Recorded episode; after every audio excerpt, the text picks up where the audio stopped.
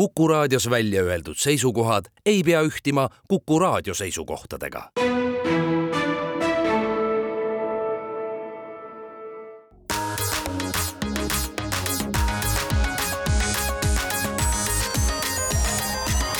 digitund. digitunnile ja digimaailmale annab hoogu Telia tere hommikust, head Kuku raadio kuulajad, on esmaspäev, kahekümne esimene august ja Kuku raadio stuudios on Mait Tafenau, Indrek Vaheoja ja Andrus Raudsalu kogunenud selleks, et vaadata üle möödunud nädalal digimaailmas juhtunu. ja saate teises pooles on meil ka külalised, meil on külas äh, Telia Eesti tegevjuht Holger Haljand ja Hendrik Randoja, äh, kes äh, korraldavad kahekesi ühte konverentsi, millest eh, kindlasti ei tasu ilma jääda, aga miks sellest ilma jääda ei tasu, sellest te kuulete juba saate teises pooles. ja siis on meil veel üks külaline, meil on eh, Telia Eesti personalijuht eh, Pirko Saar, kellega me räägime sellisest põnevast initsiatiivist nagu Women in Tech. aga alustame uudistega ja alustame traditsiooniliselt turvauudistega, nimelt möödunud nädalal saabus siis meile selline uudis, et äh, Ameerika maal on siis äh, tõenäoliselt Hiina äh, häkkerid sisse murdnud siis Microsofti süsteemidesse ja just siis nendesse süsteemidesse, mis teenindasid USA keskvalitsuse e-postkaste ning äh, rändama siis väidetavalt on läinud päris kõvasti e-kirju, mis äh, just valitsuse ametnikud omavahel vahetasid ja ja, ja kät-, juhtus see siis nii, et häkkeritel õnnestus kätte saada üks äh, võti, millega siis õnnestus Microsofti süsteemidesse päris sügavale sisse murda. vot ja järgmine turvauudis on selline, et QR-koodid, mida võib-olla täna nagu on peetud niisuguseks nagu noh, ebatavaliseks viisiks, mida nagu häkkimisel kasutada, et, et tavaliselt saadetakse sulle ikkagi mingisugune link, mida klikkida, eks ju, mida sa siis kogemata klikid ja QR kood on ikka niisugune nagu ametlik asi juba, et noh, et kui tuli QR kood, et tuvasta ennast, siis noh, tuvastame sellega. aga, aga tänaseks on QR koodid sattunud nagu andmepüügiskeemidesse ja, ja üks stsenaarium, mille jaoks võib-olla ennast ette valmistada, on selline, kus saadetakse teile kiri, et et te peate nagu kiiresti-kiiresti noh, valideerima, et kolm kuus viie konto näiteks või Google'i konto kinni läheks, eks ju. ja selle asemel, et linki klikkida, on seal ka QR kood, mida siis skännida, mida te teete tavaliselt, kui minnakse tänapäeval kuskil turvalisele saidile, eks ju, ja sa tahad nagu tuvastada mingisuguse kaheastmelise vahendiga ennast. ja seal on ilusti QR kood, mis siis tegelikult äh, sisaldab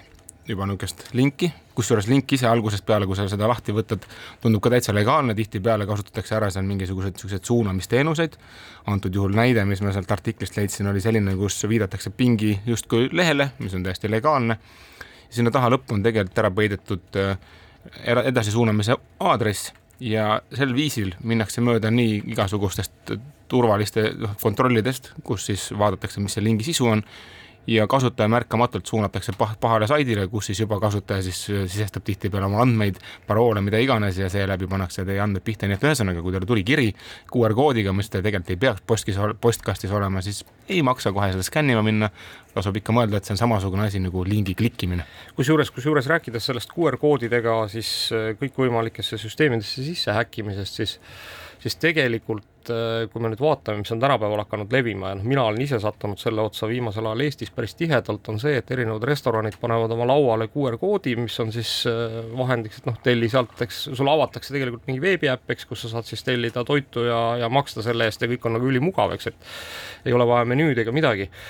kusjuures äh, huvitav uudis tuli ka Ameerikast, et, et siis see ettevõte, kes praktiliselt kõikide Ameerika lennujaamades pakub lennuteenindust, on hakanud siis pakkuma ka sellist teenust, et kui sa noh, istud kuskil seal väravas ja on nagu kõht tühi, siis on võimalik, pannakse sinna ka väike QR kood üles ja avaneb sulle see samasugune äpp, kus siis on võimalik sinna lennujaama väravasse endale toitu tellida. mis tegelikult tähendab seda, et, et seesama QR koodi läbi mingisuguste asjade tegemine läheb massidesse ja, ja, ja noh, ütleme, et noh, nüüd äh, ma ei taha siin ühelegi häkkerile mõtet anda, eks, aga, aga noh, tegelikult ma arvan, et need, kes neid QR koode näiteks oma laudade peale kleebivad, peavad siis aeg-ajalt ilmselt üle vaatama, et keegi neid QR koode ei ole üle kleepinud mingisuguse asjaga. No absoluutselt, aga iseenesest ega QR kood oma olemuselt ei ole halb, eks ju, ta on ju teinud niisugune lahe vigur, lihtsalt tema niisugune tarbimisse jõudmine on võtnud nagu igavesti pika aja, ma ütleks, et me olime vahepeal päris kindlad, et see tehnoloogia sureb välja, sellepärast et noh, keegi ei võtnud seda omaks ja keegi ei leidnud talle niisugust praktilist väljundit, aga aga tänaseks on saanud nagu temast toidu tellimise vahend, eks ju, me tuvastame kaheastmeliselt ennast niisuguste vahendite kaudu ja nii edasi, et need tegelikult neid kasulikke stsenaariume on palju, nii et ma arvan, et me täna ei pea enam rohkem kellelegi tutvustama, millega üldse tegemist on. aga vaata jällegi samas, kui oli see populariseerimise hetk, siis oli, et näed, et QR kood skännige see endale sisse, et kohe tuleb siit midagi toredat ja ägedat ja nüüd on ikkagi täpselt see, et kui on mingi suvaline QR kood kuskil liiklusmärgi peal, et, et, et sa noh, ära igal juhul skänni seda igaks juhuks sisse, et, et noh,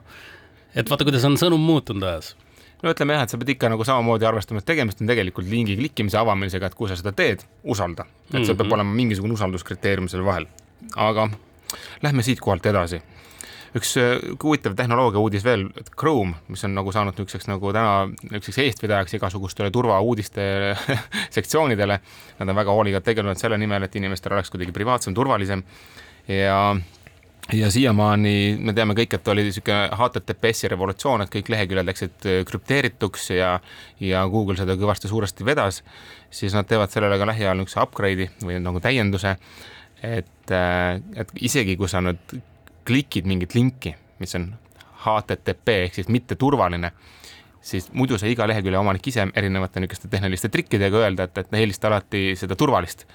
aga nüüd uuema Chrome'iga juba testitakse lahendust, kus siis alati kõigepealt minnakse serverisse, sõltumata sellest, et sa klikkisid ebaturvalist linki, kas on olemas ka turvaline versioon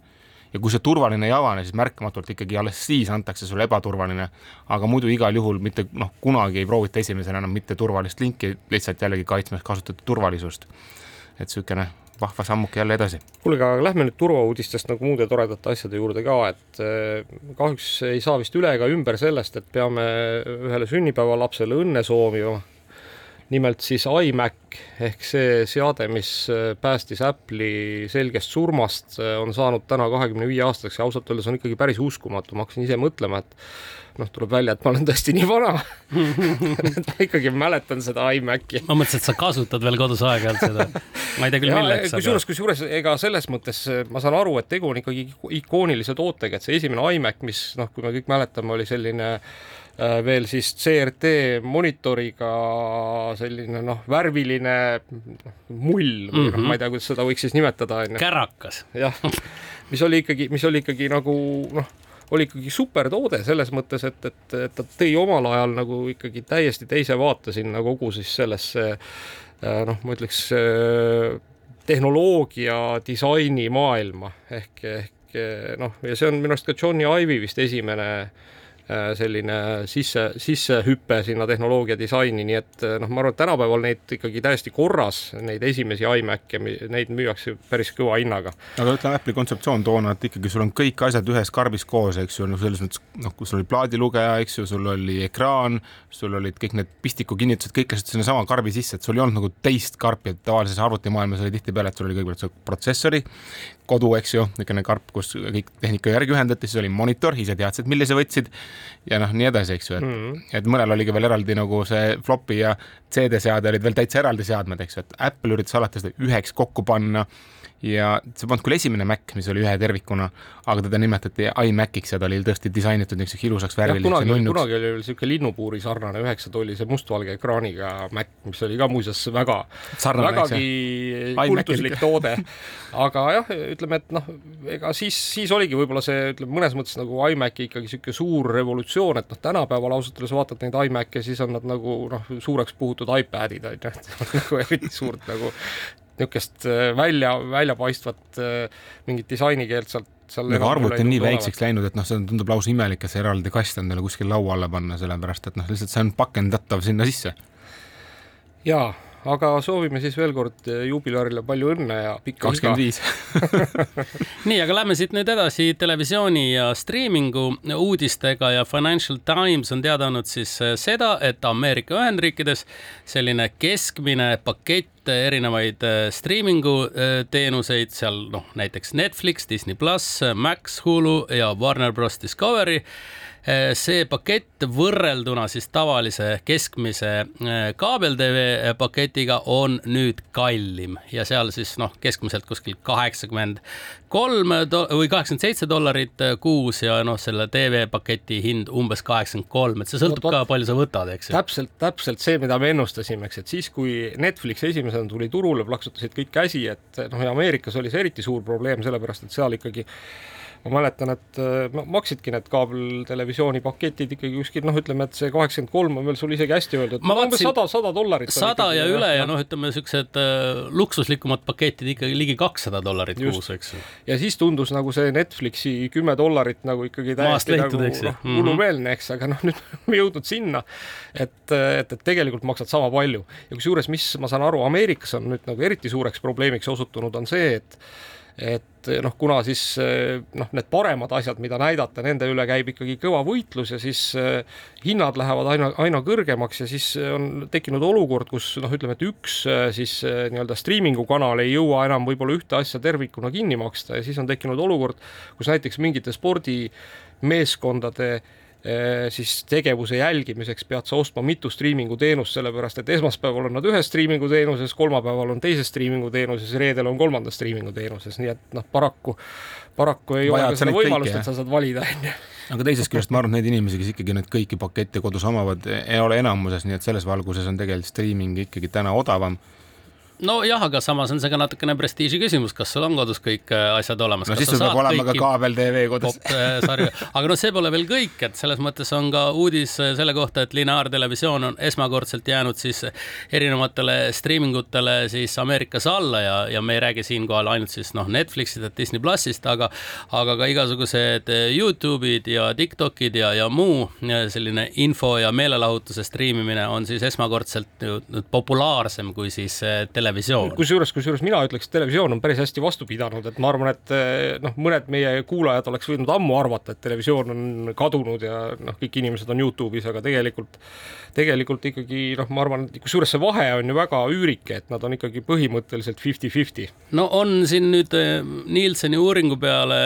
siin striimingu bossid ka öelnud, et eh, televisiooni lõpp on nüüd lõpuks siis teada, et millal saabub kahe tuhande kolmekümne teisel aastal. mina seda küll ei usu, et kuule, mina arvan, et see turg on ikkagi natuke teistsugune. no mõtle, kui palju me oleme kuulnud sellest, et millal raadio ära sureb, et, et mis hetkest seda rääkima hakati, nii et ma arvan jah, et need kuulujutud nii televisiooni kui raadio surmast on liialdatud. ma endiselt arvan, et selle sõnum on lihtne see turg lahjeneb lihtsalt selles mõttes, et mitte keegi ei oma, vaadake televisioon tuli, siis ta võttis turul ikka nagu väga tugeva positsiooni, eks ju, sellest kogu sellest ajast, mis me tahtsime vabal ajal veeta kuskil ekraani või mõne muu asja ees aga tänaseks on turg lihtsalt lahjenenud, me lihtsalt kulutame seda aega mujale ja televisioon lihtsalt konkureerib päeva lõpuks ka nende spordiklubide kõige muuga, mis on meie turule tulnud. kuulge, aga striimingu teemal veel üks äh, oluline uudis, et äh, Netflix on siis hakanud äh, Ühendkuningriikides ja Kanadas katsetama siis esimest Netflixi mängustriimimise teenust, kusjuures hetkel on küll saadaval ainult kaks suhteliselt lihtsakoelist mängu aga see streaming iseenesest käib siis niimoodi, et panete telekas Netflixist selle mängu käima ja siis teie noh, ma ei tea, telefon või, või iPad või mis iganes asi teil seal parasjagu on, muutub siis äh, nii-öelda puldiks, millega saab siis seda mängu juhtida ja noh, ütleme need, kes on saanud proovida, meie kahjuks ei ole, kuna me ei ole ei Kanadas ega Ühendkuningriikides väidavad, et, et, et toimib äh, täiesti adekvaatselt ja hästi, noh, kas see nüüd nagu täna mingisugust äh, first person shooter'it väga hästi sellega veel mängida saab, ei tea, aga noh, ütleme, et need mängud, mis saadaval on, on täiesti toimivad. aga läheme siitkohalt nüüd reklaamipausile.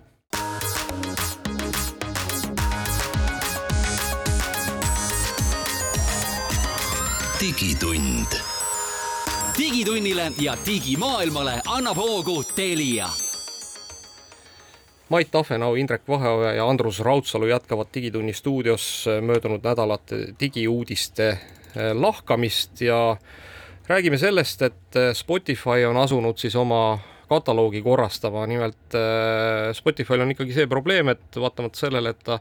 on nüüd juba aastaid turul olnud ja vist on tal ka umbes noh, natuke alla viiesaja miljoni kasutaja, kui ma ei eksi viimaste numbrite järgi, siis siis probleem on jätkuvalt selles, et ei ole ta mitte kasumlik. Ja ja nüüd siis otsustas Spotify, et üks võimalus oma kasumliku tõstmise, kasumlikkuse tõstmiseks on see, et ta koristab ära Spotify äpist siis kõikvõimalikud mittemuusikaga seotud asjad, ehk seal on siis äh, väidetavalt äh, umbes äh, kolm miljonit tundi kuulavad inimesed siis äh, iga päev äh, sellist asja, mis, äh, mida võiks nimetada valgeks müraks, noh, mis on see, et keegi on äh, salvestanud oma laes pöörlevat ventilaatorit, keegi on salvestanud tilkuvat kraani, salvestanud töötavat ekskavaatorit ja nii edasi. noh, ausalt öeldes minu jaoks on täiesti üllatav, et see on ikkagi nagu mingisugune asi, mida inimesed kuulavad Spotify'st, aga tuleb välja, et kuulavad ja Spotify nüüd siis otsustas, et see ikkagi ei Äh, vasta nende standarditele ja nad siis kavatsevad äh, nende kuulamiste pealt siis äh, umbes kolmkümmend kaheksa miljonit aastas kokku hoida, mis nad on siis nende tilkuva kraaniga meestele siis ära maksnud. no ma arvan, et seal on see tegelikult see teine pool, et nad võib-olla peaksid üle hindama, et kui inimesed vajavad sellist teenust, eks ju, aga lihtsalt nagu võib-olla võiks olla erinevad hinnakategooriad, sest vaadake White Noise'iga raha teha nii väga lihtne, sa tegid ühe ühesekundise klipi, paned selle luupima ja inimene kuulab seda terve öö otsa, eks ju, aga noh, millist, ma ei tea, paned hommikul Rammsteini peale, õhtul paned kinni, et sihukest asja Mait, Mait, sa siin, ma arvan, et sa oled siin ka libedal jääl, et, et siin on ikkagi võimalik öelda ka seda, et, et mõne tõmpsumuusikaga ka, et salvestasin kaks takti ära ja, ja siis panin luupima. panin luupima. ei, aga no vaadake, see on isegi teine asi, et, et noh, küsimus on ka selles, et sa leidsid mingisuguse asja, mida inimesed kuulavad rohkem kui ühe korra, eks ju, et see white noise iga õhtu, kui sa oled magama, paned jälle käima, eks ju, teda kuulatakse meeletus koguses ja lihtsalt peaks ta lihtsalt kokku leppima, et võib-olla selle eest ei ole nõus nagu Spotify maksma lihtsalt nii palju kui muusika eest, mis on teistsugune sisu, lihtsalt teha kategooriad, selle asemel, et see ära kaotada, kui turul on nõudlus noh, kusjuures ma arvan, et see on lihtsalt eh, vesi nende äppide veskile, kes sedasama teenust nagu lihtsalt ainult sedasama teenust pakuvadki. niisuguseid äppe on, ma arvan, kui te App Store'is otsite, siis on üks tüki kümmekond, kes on nagu suured ja noh, korralikult ära tehtud, noh, mis siis pakuvad erinevaid kõikvõimalikke mürateenuseid ma ei tea, tavaliselt ikkagi ettevõtted võitlevad selle nimel, et kui on turul, turul veel mingi segment, mida omale võtta, siis võtaks selle ära ja kui nad on selle võitnud juba selle segmendi, siis noh, miks jumala pärast selle ära lõpetada? no võib-olla on asi selles, et, et see sama valge müra toob sisse kaheksateist tuhat kuus, eks ole, aga kui ta siis aastas viib pealt kolmekümne miljoni välja, et see on väga lihtne arvutus, et ei, ei tasu lihtsalt ära ja tuleb keskenduda olulisematele asjadele noh, lihtne business. mina oleks teinud selle pigem ikkagi niimoodi, et sa kategoriseerid ringi, eks ju, aga noh, mis seal ikka, meie ei otsusta neid asju, meie Mait, saame lihtsalt nentida fakti. Mait saab äh, sotsiaalse kohustuse kirjutada Spotify'le ja oma nõuda, nõuda kraani tilkumist nii, aga lähme nüüd äh, Spotify juurest siis äh, Amazoni juurde Amazonil on nüüd uus plaan ja nimelt nad hakkavad siis edaspidi järjest rohkem ja rohkem kaupa koju inimestele saatma ilma oma siis Amazoni kastita et sellist lisapakkimist jääb vähemaks, sest noh, Amazon üldiselt on, on teada ja tuntud sellepärast, et kõik asjad pannakse veel noh, topelt suuremasse kasti, kui vaja peaks olema ja mis sellega tehakse, see kast visatakse kohe minema, sest sellega no ei ole pärast sul kodus enam midagi peale hakata. Ja praegu peaks siis olema juba üksteist protsenti Amazoni mm, kaubast, mis sul koju tuleb, on ilma selle lisa, lisakastita, aga, aga siis see nüüd järjest hakkab suurenema, no muidugi roheline lähenemine. Ma, ma ja kusjuures ma ei tahaks siin üldse kuidagi rohelise lähenemise vastu olla, aga ja, ja minu arust on see väga õige ja tore, aga ma pakun siin ühe teise vaate sellele punktile ka, on nagu see, et, et ma mäletan, et kunagi mingisugune teksatootja rääkis sellest, et äh, jube äge on inimestele müüa neid ettekulutatud teksasid, sellepärast et need ikkagi kuluvadki väga kiiresti ära, kui sa nad jalga paned, et nüüd on nagu see, et, et kui sa Amazonina saadad siis halvasti või noh, ütleme siis noh, mitte nii hästi nagu põrutuste vastu pakitud toote, siis võib-olla saad ka kiiremini uue toote müüa, kui see on nagu korralikult postisüsteemist läbi käinud ja no,. ma ikka kahtlustan, et seal on mingisugune valik, et, et tõenäoliselt teksapüksi ümber ei pakendata mingisugune kasti sisse, eks ju, ja sinu portsellan ikkagi pannakse eraldi vati sisse, et. no ja, ja. seda ka ja, aga küll ja küll on nähtud ja, neid. tellid, tellid, tellid televiisori, siis ikkagi pannakse ilusti mullikilesse. jah, et mullikilesse küll, aga muidu on see, et noh, rusikasuurune on sul see kaup, mis sa tellid ja, ja, ja aga karp on ikkagi. ei, sellega, sellega ma olen nõus jah et... kusjuures rääkides, rääkides mullikilega, mulli siis, vabandust, mullikile sisse pakitavast televiisorist, siis LG tuli ikkagi möödunud nädalal välja minu arust täiesti nagu märkimisväärse tootega, nimelt on siis nad toonud turule kahekümne seitsme tollise televiisori, mis on pakitud kohvrisse. Ehk nii nagu noh, James Bond, et lähed kuhugi metsa alla, teed kohvri lahti ja hops, kohvri sees on televiisor ahah, selles mõttes võtta kaasa iPad, okei okay,, kakskümmend seitse on nagu. sa tahad ikkagi, oled soliidne inimene, ei vahi lihtsalt mingist suvalisest iPadist, vaid ikka televiisorist. jah, kusjuures, kusjuures tal on seda me oleme oodanud jah, ja tal on umbes kolm tundi siis aku aega, nii et noh, ühe mingi paar seeriat mingisugust seepi saad ära vaadata olgu peale, et kõige tähtsamad asjad. aga lähme, aga lähme tagasi Amazoni juurde, et tegelikult möödunud nädalal oli üks selline, noh, võiks öelda, et on, on selline nädal, kus siis tuli kõvasti uudiseid selle kohta, kuidas e, tehisintellekt on hakanud siis meie eest kokkuvõtteid kirjutama, nii et Amazon teatas seda, et nüüd siis kõik need tootele antud kommentaarid hakkab Amazonis tehisintellekt kokku võtma ja noh, põhimõtteliselt kui tootele on antud noh, ma ei tea, sadu või mõnikord tuhandeid kommentaare, siis ongi keeruline aru saada, et, et kas on tegelikult tegu hea toote või halva tootega ja nüüd tehisintellekt teeb siis nendest umbes niisuguse pooleleheküljelise lühikokkuvõtte. Noh, iseenesest täitsa tore, aga nüüd teine asi, mida teatas Google täpselt samast asjast, on see, et, et Google'i siis äh, äh, Generative Search Experience, millest nad rääkisid kevadel oma suurel arendajate konverentsil, hakkab siis vaikselt meieni jõudma. Ja üks osa sellest on see, et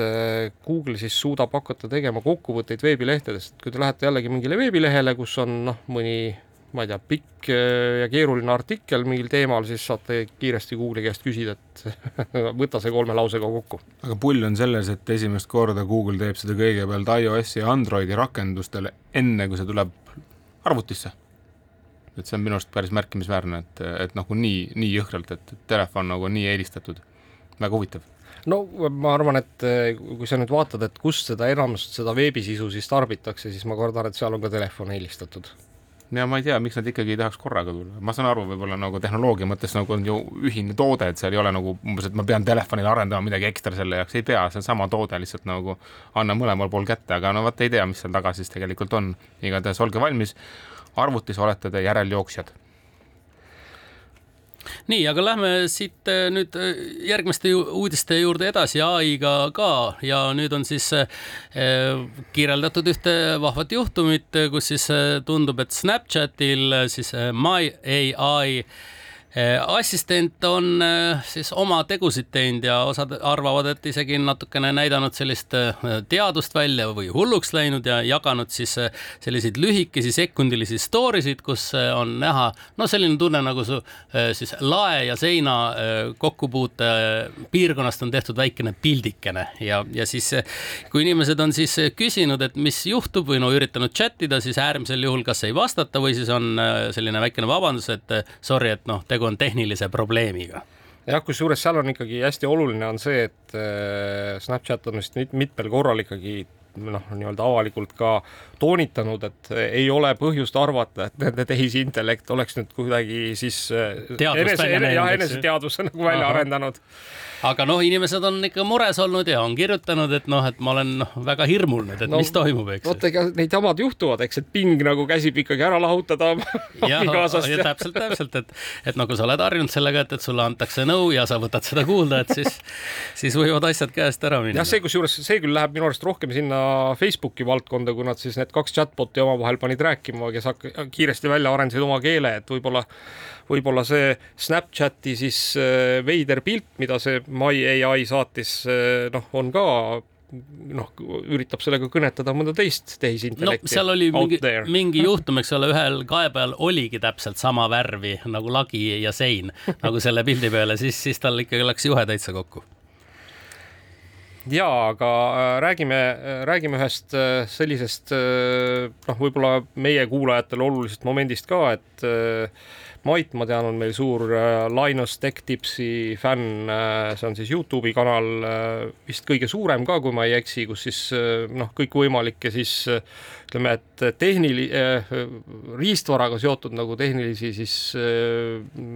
asju jagatakse isegi ütleks, et kes ei ole vaadanud, soovitame, et see on tegelikult niisugune nagu kergelt meelelahutuslik, aga samas niisugune süvatehniline kont-, noh, päris lahedasti otsivad mingeid lahedaid nagu viise, kuidas seda tehnoloogiat demonstreerida, et nad vahel katsetavad ka kummalisi asju, näiteks kui palju arvutile USB portidesse saab päriselt seadmeid ühendada versus palju standard võimaldab ja nii edasi, eks ju. aga no aga, aga siin sa ütled, et vaadake, aga ei ole võimalik enam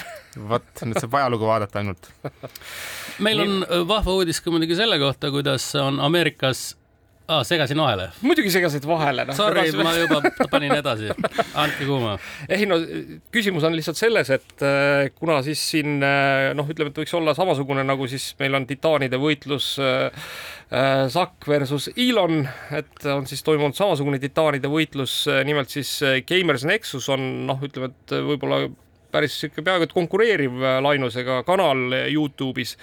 avaldas siis äh, mitmeid äh, selliseid paljast, paljast, paljastusi siis äh, kogu selle Lainuse meediagrupi kohta alguses oli seal juttu sellest, et on siis mingisuguseid tooteid kuidagi valesti arvustatud ja, ja neid siis ka kuidagi valesti nagu kasutatud ja nende vale kasutamist lausa näidatud, noh, seal oli konkreetselt siis mingisugune eh, jahuti pandi vale protsessori külge lausa, noh, mis ikkagi nagu sellises kohas on ilmselt täiesti lubamatu ja, ja lõpuks tulid välja ka veel mingisugused ahistamisskandaalid, mis siis selles eh, Linus Media grupis, mis eh, siis kogu seda Youtube'i kanalit toidab, on aset leidnud, nii et nüüd siis andi teada, et vähemalt mõneks ajaks läheb Linus Tech Tips puhkusele, kuni on asjad korda aetud muide, sa siin äh, mainisid seda äh, Musk'i ja Zuckerbergi äh, võitlust, mida me ka meie oleme siin agaralt reklaaminud. nüüd tuleb välja, et seda ikkagi väga suure tõenäosusega ei toimu, seepärast Musk on lihtsalt segast peksnud. väitis ta ju küll, et ta on Itaalia siis peaministri ja kultuuriministriga rääkinud, et kolosseum pannakse kinni selle jaoks, nüüd tuleb välja, midagi sellist toimunud ei ole, need on tema enda fantaasiad ja suure-suure tõenäosusega seda matši siiski ei toimu. aga läheme siit nüüd reklaamipausile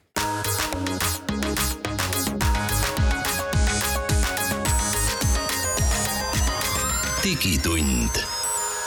digitunnile ja digimaailmale annab hoogu Telia digitund alustab oma teist poolaega, stuudios on jätkuvalt Mait Tafenau, Indrek Vaheoja ja Andrus Raudsalu ja nüüd meiega on liitunud ka Telia Eesti tegevjuht Holger Haljand, tere! tervist! ja Hendrik Randoja, kes on siis sellise konverentsi nagu Digital Hub korraldaja, et tere kõigile! rääkige, mehed, paari sõnaga, et mis asja te korraldate no korraldame aasta suurimat tehnoloogiakonverentsi. Ja mis teeb eriliseks, on just see, et ta on just Eesti ettevõtluskeskkonna jaoks nagu üles ehitatud ja keskendub siis kõige olulisematele teemadele just tehnoloogia innovatsioonis, et mis aitavad siis just meie ettevõtetel praegusel kiiresti muutuvas maailmas pikalt edukad olla, et et kui valida nii-öelda üks konverents aastas, kus siis aeg maha võtta ja kuulata, vaadata, mis tehnoloogia arengud ümberringi toimuvad ja mis just sinu ettevõtte nagu edule võiks kaasa aidata, et siis see on see koht. aga selle jaoks, et minna natuke konkreetsemaks, et võib-olla mainida ära, et et millest ma ilma jään, kui ma seekord nüüd ei tule, et see ei ole esimene kord, neid tuleb ju veel, neid konverentse on palju, et aga, aga, aga alati on see põhiküsimus, et, et tõenäoliselt ma pärast kahetsen, kui ma midagi ei kuule, et mis on see asi, millest ma seekord tõenäoliselt ilma jään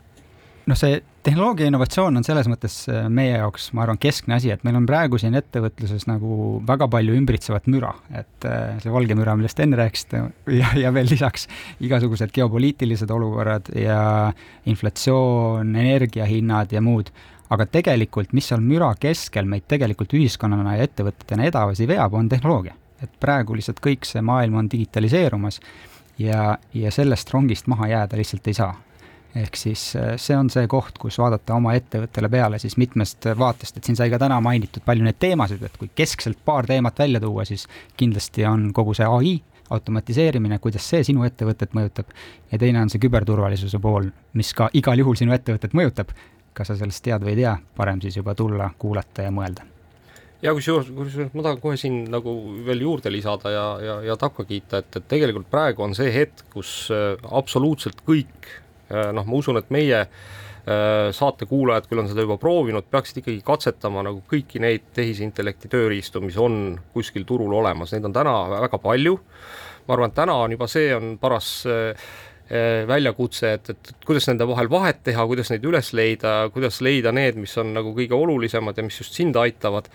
aga kui te seda ei tee, siis minu arust suurepärane nagu ikkagi äh, Äh, statement on see, et, et, et teie tööd ei võta üle mitte tehisintellekt, vaid teie tööd võtab üle konkurent. ei, keegi, kes kasutab tehisintellekti absoluutselt. kusjuures minu arust vahel on ka niisugune täiendus oluline, et, et vaata, kui sa nagu lähed äh, vahel mõtetega, et, et noh, minu tehnoloogias või minu ettevõttes tegelikult ei ole võimalik seda ai-d kuidagi rakendada, siis teiste inimestega koos rääkides või nähes, mida teised teevad, see paneb sul endal nagu aru saama, et tegelikult saab küll ja niimoodi saab näiteks, et selles mõttes ju on see ju hea koht, kus äh, saada inspiratsiooni. jah, ja see, see ka nagu demüstifitseerib selle teema, et ta on nagu natuke haibiks läinud ja tundub nagu hullult keeruline ja mingi teise maailma teema, siis, siis tegelikult äh, seal on väga lihtsad ja konkreetsed lahendusi, mis peaaegu et igat ettevõtet kiiresti edasi aitaks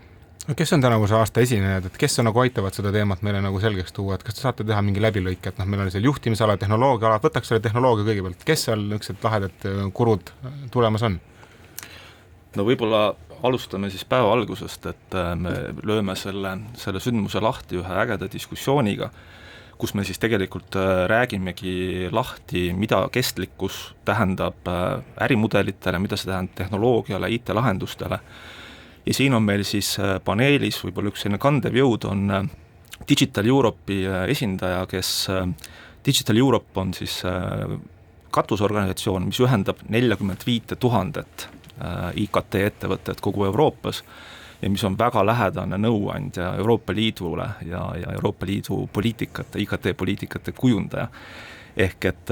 et lööme siis sellise, sellise avapauguga selle päeva, päeva käima, mis siis raamistab ära, et millised meie ärimudelid äh, lähitulevikus äh, saa-, olema saavad, mis on siis elujõulised, äh, millised on need tehnoloogiad, mis selliseid elujõulisi ärimudeleid toetavad ja kaasa lööb seal ka Telia kompanii president ja tegevjuht Alison Kirkby. ja sealt edasi siis hakkame ruleerima läbi kogu, kogu päeva ja teeme seda viies erinevas track'is. Ja kõik need track'id on siis suunatud äh, erinevatele äh, ütleme, sellisele professioonidele või, või, või fokusseeritud erinevatele sihtrühmadele, alates siis tippjuhtide klubist, mis on suunatud äh, tippjuhtidele, seal saab olema väga vahva diskussioon, kus räägitakse, et milline see ringmajandus ja ja kestlik äri siis, siis äh, olema peaks, kaasa löövad äh, näiteks Rainer Rohtla, Eesti ühe suurima ettevõtte Coop juht, äh, Taavi Kotka, kõigile tuttav tehnoloogiaekspert. Ja, ja, ja, ja, ja sealt edasi võtame ka sellise nagu inimliku poole, et, et Kristjan Port lammutab lahti selle, et, et kui kestlik, ütleme, sellises kiires tehnoloogilises arengus ja ja ai tingimustes üldse on inimene, noh, kõige lähemal on need töökohtade, eks ole, küsimused, millest hetk just tagasi räägiti ja, ja, ja kaugemalt võib-olla, et tõepoolest, et millal see ai hakkab siis inimest kui sellist olendit kuidagimoodi ohustama. ja sealt äh, edasi teistes tubades kõnetame IT-juhte, võib-olla väga vahva diskussioon, kus me räägime sellest, et jällegi kui lähedale me saame ai-d näiteks kriitilisele taristule lasta, et äh, meil on diskussioonis Liisa Past äh,, äh meil on diskussioonis e, e, Eesti Energia uus juht Andrus Tureiko ja, ja teised siis, siis selle valdkonna tipud, et et see mõjutab meid absoluutselt kõiki.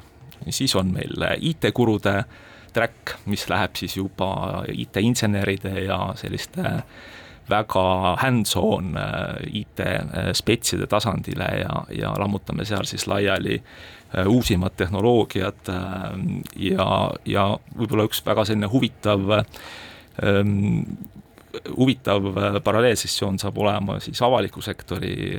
track, kus toimuvad kaks poksimatši, et jah, tõepoolest ähm, Digital Hub on siis toonud sellise formaadi äh, võiks öelda, turule nagu ähm, diskussioon poksimatši äh, formaadis. Ja, ja, ja tegelikult on siis, ähm, siis tegu äh, avaliku sektori ja, ja erasektori sellise koostöö, aga ka mitte siis alati laabuva koostöö selliste tahkude äh, tahkude käsitlemisega, et, et Digital Hubi kaaskorraldaja on ka Majandus- ja Kommunikatsiooniministeerium, nii et nii et sealt siis see avaliku sektori selline, selline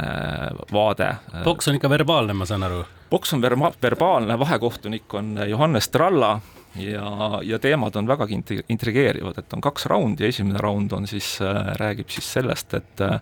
et kes peaks innovatsiooni ja sellist tehnoloogilist arengut Eestis vedama, on see siis erasektor või, või, või avalik sektor. Ja teine räägib siis riigihangetest, riik on Eesti üks suurimaid IT-lahenduste tellijaid, et kuidas neid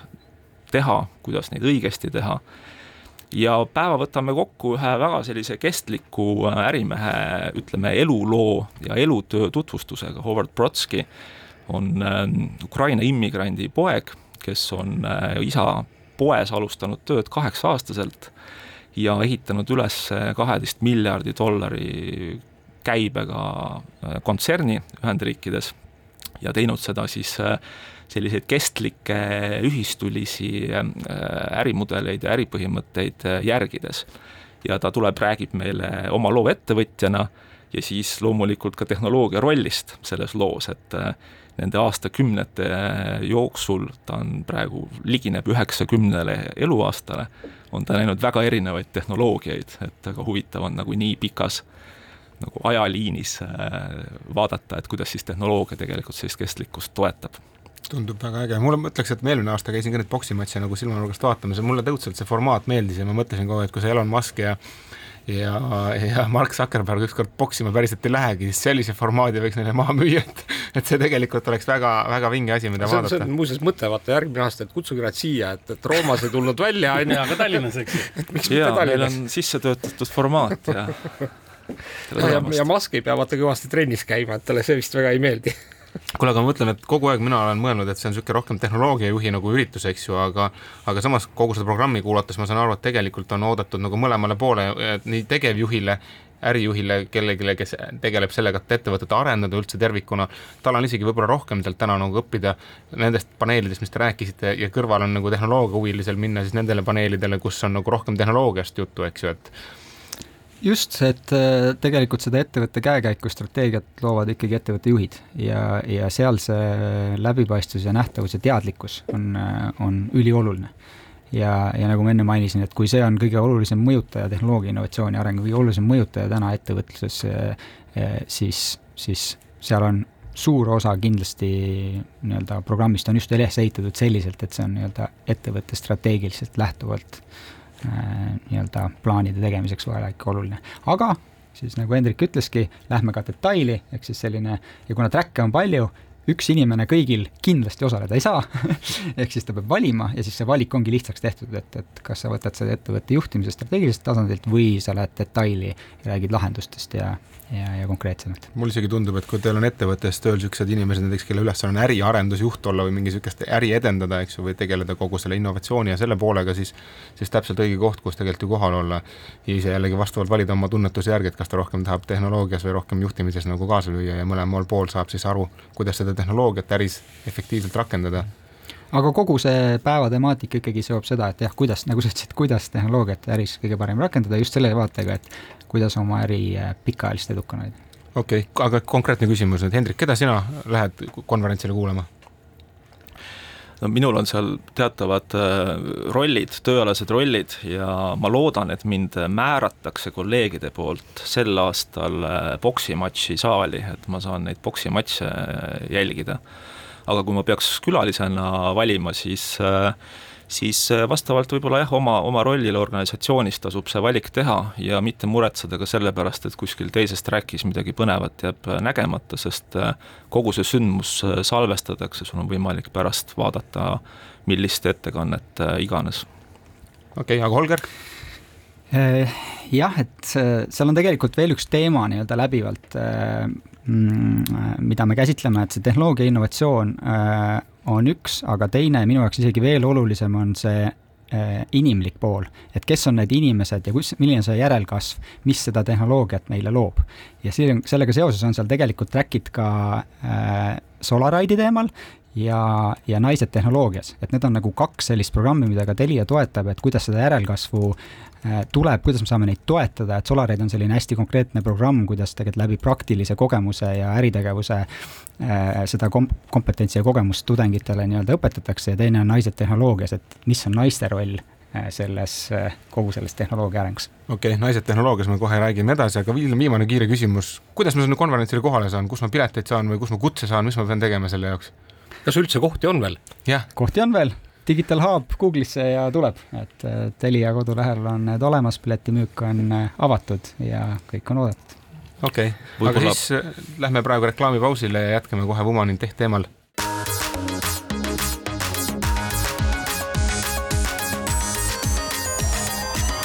digitund. digitunnile ja digimaailmale annab hoogu Telia digitunni viimane veerand on eetris, stuudios on jätkuvalt Mait Tafenau, Indrek Vaheoja ja Andrus Raudsalu. ja nüüd hakkame rääkima äh, sellest, kus me möödunud veerandis pooleli jäime, ehk me juba mainisime otsast äh, siis Women in Tech äh, initsiatiivi ja selleks on meil siin Pirko Saar. tervist! Teliast. ole hea, Pirko, räägi, mis, mida see endast üldse kujutab? mis case on? mis case on meelsasti jaa, Women in Tech Telia on siis ümberõppeprogramm, mis sündis koostöös Targa Tööühinguga ja, ja ta on loodud naistele, nagu ka nimi juba, nimi juba reedab. Ja, ja kuna Telia jaoks on üheks oluliseks fookusteemaks ühiskonnas ebavõrdsuse vähendamine, siis naiste osakaal tehnoloogias on täna väga madal ja, ja seeläbi tundus selline koostöö sellises formaadis äh, ainuõige viis aidata kaasa selle, selle ebavõrdsuse nii-öelda siis äh, vähendamisele ja kutsuda naisi rohkem tehnoloogiasse. Kas sul on mingeid numbreid ka selle kohta, et kui palju naisi on vähem või mitte, et mina just ise mõtlen, et kas ma olen sattunud nagu tööle niisugustesse kohtadesse, kus naised on väga hästi esindatud või ka ülikoolis, eks ju, vaatasin, kes meil seal toolide peal istusid, eks ju, et naiste osakaal oli väga suur, et, et, et kas, kas see kuidagi faktiliselt ka, et, et naisi on vähem? just tahtsingi tegelikult selle küsimuse teile esitada, et mis te arvate protsentuaalselt, et kui palju töötab Eestis IKT sektoris nii-öelda siis äh, spetsialistidena naisi? no kuna see küsimus on niisuguse trikiga, et ma panen ikka nelikümmend, kuuskümmend, aga mina, mina, mina ütleks, et kool, üks kolmandik. No pole isegi ühte kolmandikku, nii et kakskümmend kaks protsenti, mis on isegi natuke rohkem, kui on Euroopa keskmine, mis on seitseteist. nii et äh, oleme täitsa okeil, aga kindlasti. aga milles siis probleem on, kui me oleme Euroopast juba paremad, et kuhu, kuhu meil siis ikka pürgida siin on? no aga vist ei ole võrdne ikkagi, et kui me võrdsuse all mõtleme, võiks olla niisugune fifty-fifty, siis, siis meil on ikkagi pikk tee veel minna. mina hakkasin mõtlema, et kas ei ole mitte niimoodi, et me äkki nagu sildistame valesti nagu, et, et, et kes on nagu tehnoloogiaga tegev, et, et kui sa oled nagu ettevõttes, kus tehnoloogia nagu on äri nagu sisu, eks ju, ja sa oled isegi võib-olla ma ei tea, mitte programmeerija, aga sa oled näiteks projektijuht, kas sa siis oled IT-töötaja või ei ole või kui sa oled äh, analüütik või kui sa oled nagu võib-olla ärijuht, eks ju, et kes tegelikult tehnoloogia äris nagu lööb kaasa, et, et siis tegelikult minu arust sa oled, eks ju, et absoluutselt ja, ja ka meie programm, antud programmis on tegelikult ju üheks valdkonnaks ongi analüütika, mis on väga populaarne naiste seas praegu ja, ja teine on ka IT projekti juhtimine, nii et täpselt need, mis sa nimetasid, on, on ikkagi IKT sektorisse kuuluvad valdkonnad, erialad, nii et äh, jah, siis sa oled IT-spetsialist öelda. okei okay., aga kuidas meil üldse selles valdkonnas läheb, kuidas need äh, inimesed nagu seda, kes on sellesse programmi kaasatud, on nüüd hakkama saanud selle tulemusega, et kas võib-olla noh, võib-olla ma ei tea, kui need numbrid on tõesti nii, nagu sa ütlesid, siis äh, kas, mis selle taga on, et kas võib-olla on, on inimesed, kes kardavad sellesse valdkonda tulla ja kuidas nad siis on nagu, kes on julgenud tulla, on hakkama saanud või, või kas teil on mingeid edulugusid sinna taha rääkida, kes on nagu väga nagu õnnestunud mm? -hmm. no paraku on niimoodi, et Eesti inimene on hästi tagasihoidlik ja, ja seda edulugu meiega hiljem äh, soovivad vähesed jagada, ehk et nad lähevad oma rada, aga, aga mõningaid on. Äh, on neid, kes on oma hetke nii-öelda siis sellel hetkel, kui nad õppima asusid, ettevõtte sees liikunud. Äh, üks tuleb mul kohe pähe, ma nimesid nii-öelda ei nimeta, eks ju, aga, aga tuleb pähe, kus siis ettevõttes ei olnudki analüütika nii-öelda siis spetsialisti ametikohta, vaid, vaid see loodi ja, ja siis konkreetsele meie programmis osalenud naisele. nii et see on kindlasti üks selline, üks, üks niisugune hästi-hästi tore, tore nii-öelda muutus siis selle inimese elus, aga aga võib-olla sa nimetasid ka ise, tähendab ära juba selliseid, selliseid sõnu, mis, mis, mida meie programm endas võib-olla ka kannab, on see julgus ja, ja, ja see päriselt arusaam, et see tehnoloogiamaailm ei ole ainult meestele, et murda seda stereotüüpi, mis on tekkinud, eks ju, aegade algusest me arvame, et ja, ja tunneme kuidagi, et tehnoloogias on ainult meeste, meeste erialad, meeste valdkond ja, ja võib-olla selle programmi läbi ka siis ikkagi anda selge sõnum, et naised tehnoloogias, see on väga okei okay. mina ütleks väga õige, ma isegi mõtlen vastupidi, et töötada kollektiivis, kus pole ühtegi nagu naist, on nagu väga, see on natuke imelik juba ja teisest küljest nagu vaata, minu arust midagi teha ei ole, meil kellelgi ei ole mingid oskused ja ma olen tähele pannud, et naisterahvaste eriti see püsivus ja nagu kohusetundlikkus ja järjepidevus on palju tugevam kui meestel, kes kipuvad nagu ühelt asjalt teisele peale hüppama, kui midagi põnevat on, eks ju, aga aga keegi peab olema ka see raudne käsi ja mõtlen, naised on tihtipeale selles oluliselt osavamaks kujunenud, et, et mina, vähemalt mina isiklik tunnetus on selline, et et mina väga tervitan nagu, et, et selline nagu programm on käimas. kus niisuguse programmiga üldse liituda saab või, või, või kes sinna on oodata, kui palju sinna vastu võetakse inimesi? jaa, programmi me oleme võtnud nüüd äh, vastu viiskümmend naist, ehk et võib-olla kui korra veel tagasi põrgatada, siis äh, me alustasime alles eelmisel aastal ja, ja see pilootprojekt, mis, mis alguses siis kandiski nime pilootprojekt ja, ja lõppes ta kaks tuhat kakskümmend kolm veebruar, kus siis lendas meil viiskümmend naist äh, nii-öelda siis tööturule edasi, eks ju äh,, oli niivõrd edukas, et me otsustasime seda koostööd ja seda projekti ka sellel aastal jätkata ja samamoodi viiskümmend naist sinna vastu võtta ja, ja need viiskümmend tegelikult nüüd sellel,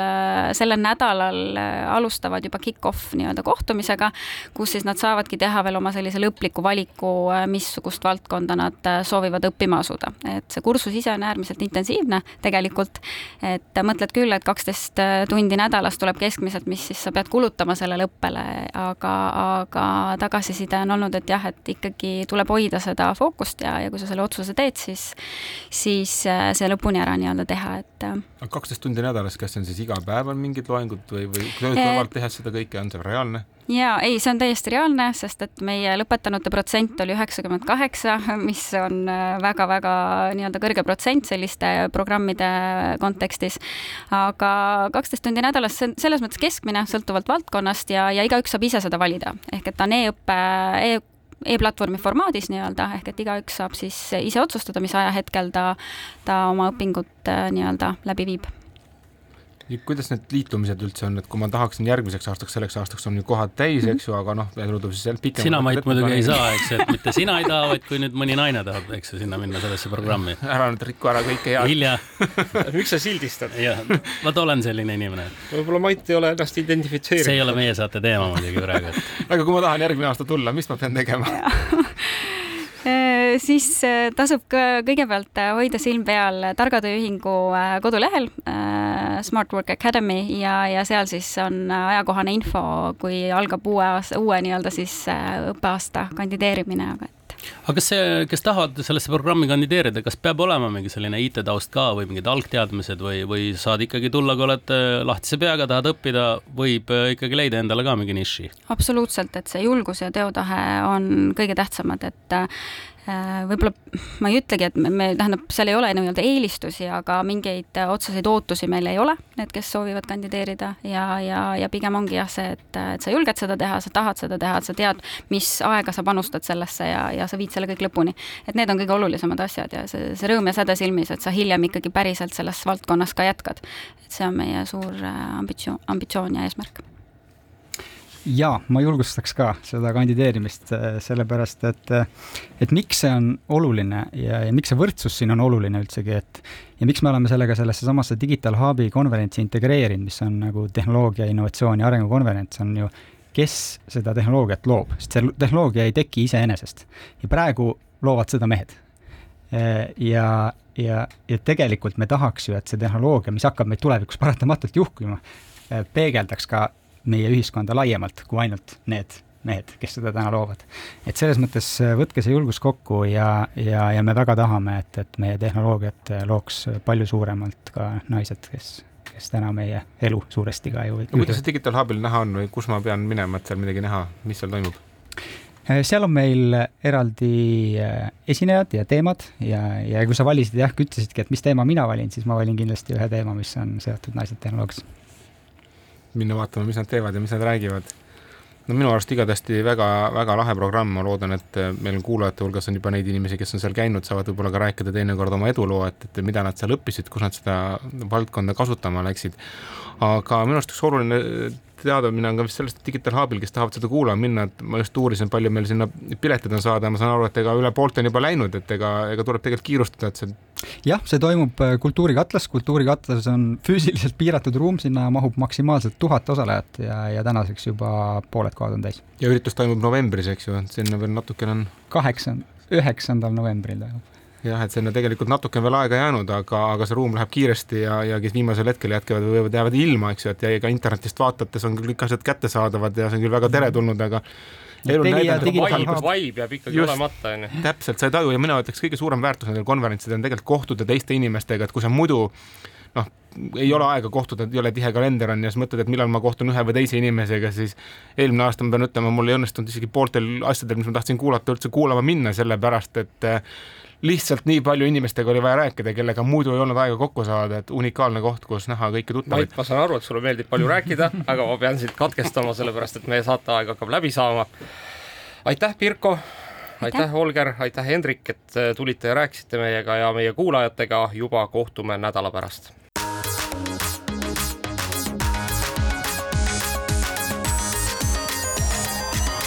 digitund